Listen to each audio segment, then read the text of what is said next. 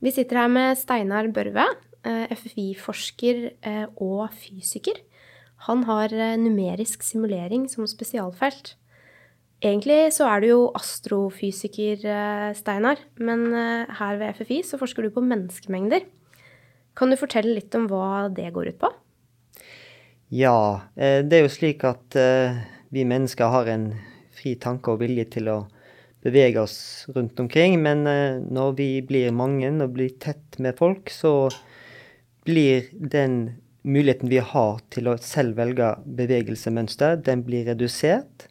Eh, og vi da må innrette oss etter de andre som er rundt oss. Og blir det veldig tett, så innskrenkes denne muligheten i veldig stor grad.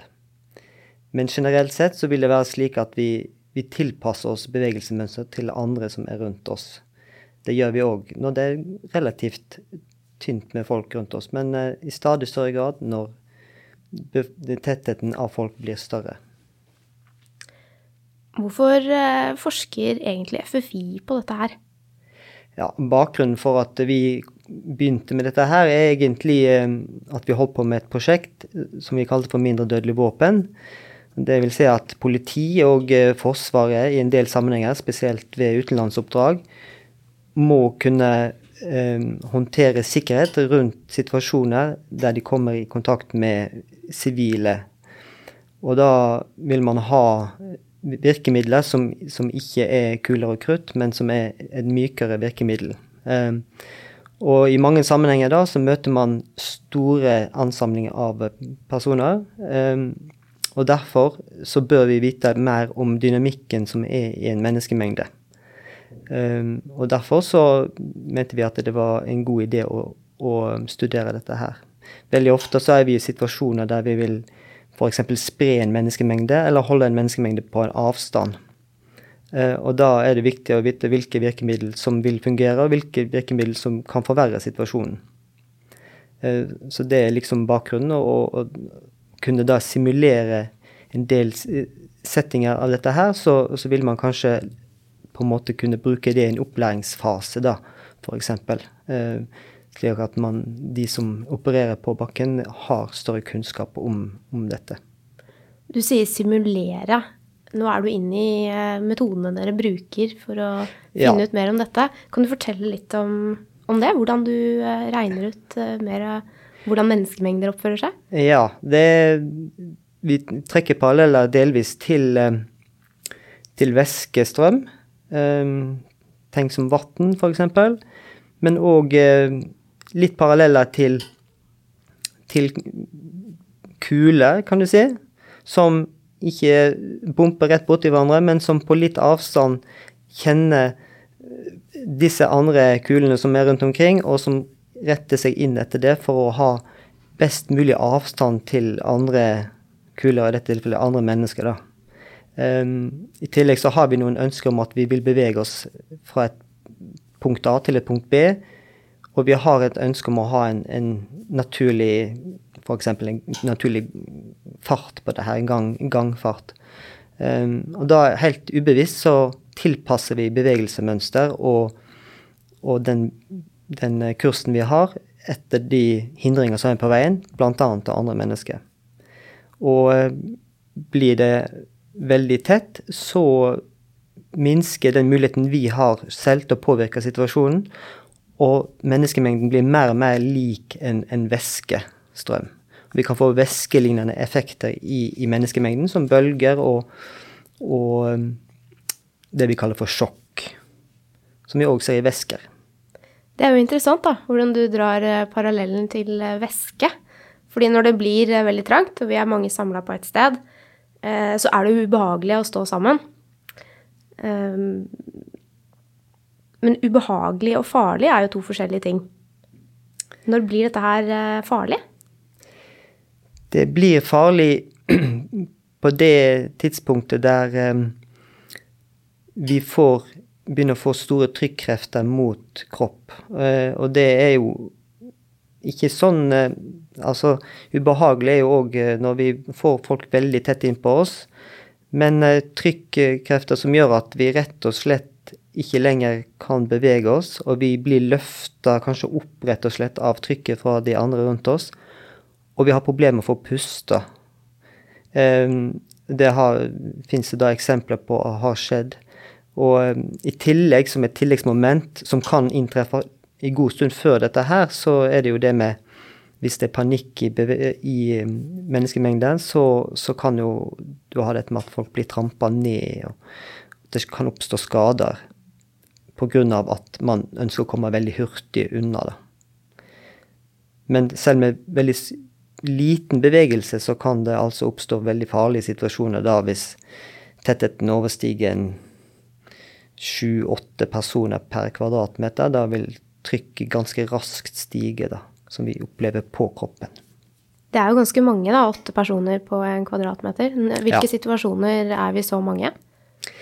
Det kan jo være under f.eks. konserter, eh, idrettsarrangement der det er stor tilstrømming av personer på et lite område, eh, der man har et ønske f.eks. å komme inn på en arena, eller ut av en arena f.eks., hvis det er en evakueringssituasjon. Um, og det er ofte slik da at de som opplever det største trykket, um, de har ikke mulighet til å påvirke situasjonen. De blir pressa sammen av personer som kommer bakfra, utenifra eh, som sånn ikke er klar over hvor farlig situasjonen er, f.eks. framme ved ei scene eh, eller ved en eh, inngang.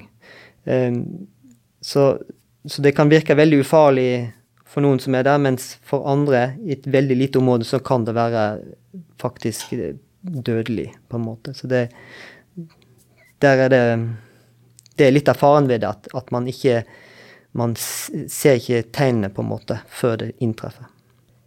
Dette høres veldig kjent ut. Eh, det høres ut som en konsert jeg var på for en 15 år siden. På Roskilde, en Pearl Jam-konsert. Der ble det veldig trangt eh, framme, og eh, jeg tror det var åtte stykker som døde på den konserten. Eh, og vi sto jo der selv også, framme. Men vi klarte å tenke at her er det veldig trangt. Dette er ikke behagelig. Vi går ut, og så går vi bak. Det gjorde vi jo en halv time senere, så var jo konserten over, for da var jo ulykken eh, et faktum. Men der tenkte jo vi litt selv. Klarte å komme oss ut. Er det, Fins det noen sånne uskrevne regler som vi mennesker kan forholde oss til for, for å håndtere en sånn farlig, potensielt farlig situasjon i en menneske, menneskemengde? Ja, det er jo veldig lurt eh, å ha dette litt i tankene, og, og, på en måte at man ser tegnene tidlig, og hvis man har muligheten da til å, å komme seg ut av området. Ellers så er det da for de som eh, F.eks. er jo ofte da at det, det er helt framme ved en eh, konsertscene at trykket da blir størst, og det er størst fare. Og de har ikke så stor påvirkningskraft på det når det virkelig blir trangt. Men de som står lenger bak, eh, det er de som da bidrar til at trykket da øker sterkt ved at man hele tida søker å komme nærmere scenen, og hele tida, hvis det blir en liten, liten luftlomme foran, foran en sjøl, så har en en tendens til å trekke fram og tette den, det hullet. Mens man aldri tar et steg tilbake, f.eks. Altså um, Og da vil det hele tida bli en, en en kompaktering, en fortetting framover, som da fokuseres framme ved scener der det ikke er mulig å komme lenger fram. Uh, så hvis man har det litt i tankene, så, og er litt bevisst på at man ikke hele tida bare fyller på når det blir en liten luftlomme, men lar den få være der, så, så kan man bidra til at en unngår sånne farlige situasjoner. Da. Ikke ser man så mye bedre på konserter heller, hvis du presser opp ryggen på en foran? Nei.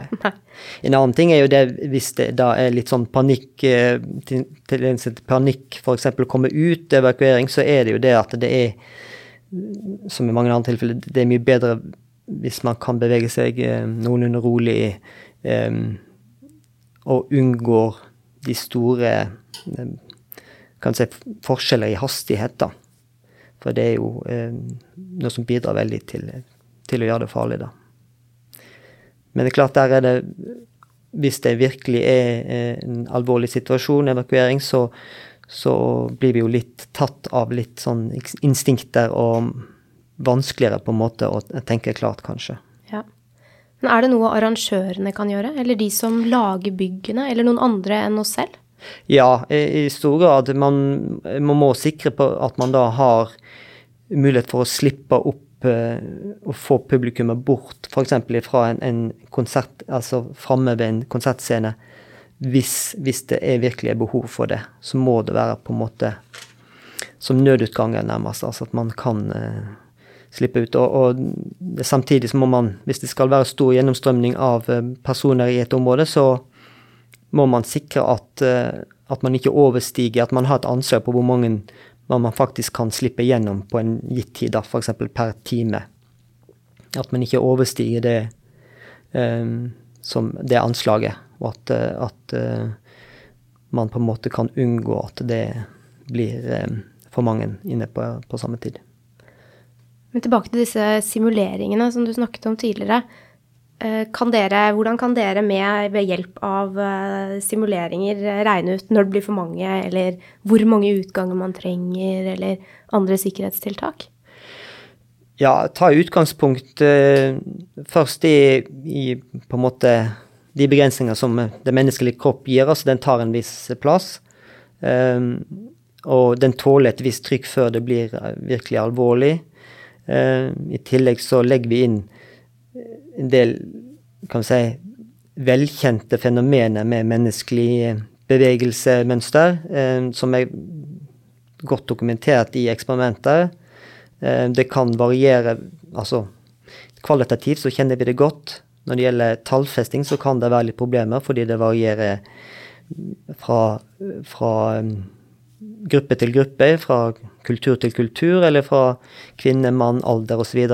Men, men eh, vi vet en god del om liksom grunnleggende oppførselsmønster. Um, og da lager vi på en måte modeller, matematiske modeller som på en måte beskriver dette her. Um, og til å bruker da analogen til, til væskedynamikk. Um, så lager vi en modell av det, uh, og som vi da vi da tester opp imot uh, eksperimenter, data som, som, er tilgjengelig. Der, ja. Der er det jo òg slik at det vil alltid være behov for mer og bedre data.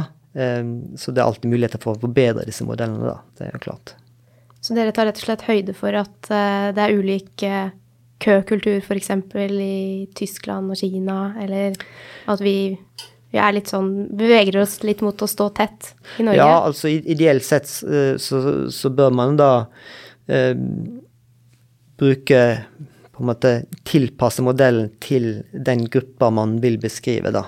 Eh, slik at man har Skal den brukes i Kina, så bør man ha tilpassa de tallverdiene som blir brukt i modellen, til det som er rimelig i Kina, f.eks. Um, Akkurat som man må tilpasse modellen hvis man vil bruke det på en bestemt eh, segment av befolkningen. um, eller om det er en blanda befolkningsgruppe. befolkningsgruppe. Så det er klart man må, må, må det, da. Men likevel så vil man nok i hvert fall kunne kvalitativt si noe om, om når man får uh, farlige situasjoner, og, og, hvilke grep man bør ta, f.eks. når man designer arenaer og den type ting. Det, det, det tror jeg nok. Astrofysiker, det er det du egentlig er. Hvordan begynte du å studere menneskemengder? Hvilken sammenheng har det? Ja, eh, som sagt så, så um, hadde vi et prosjekt eh, her tidligere som gikk på mindre dødelige våpen. Eh, uh, og vi hadde jo min bakgrunn uh, og tidligere simulert væskedynamikk i ulike former.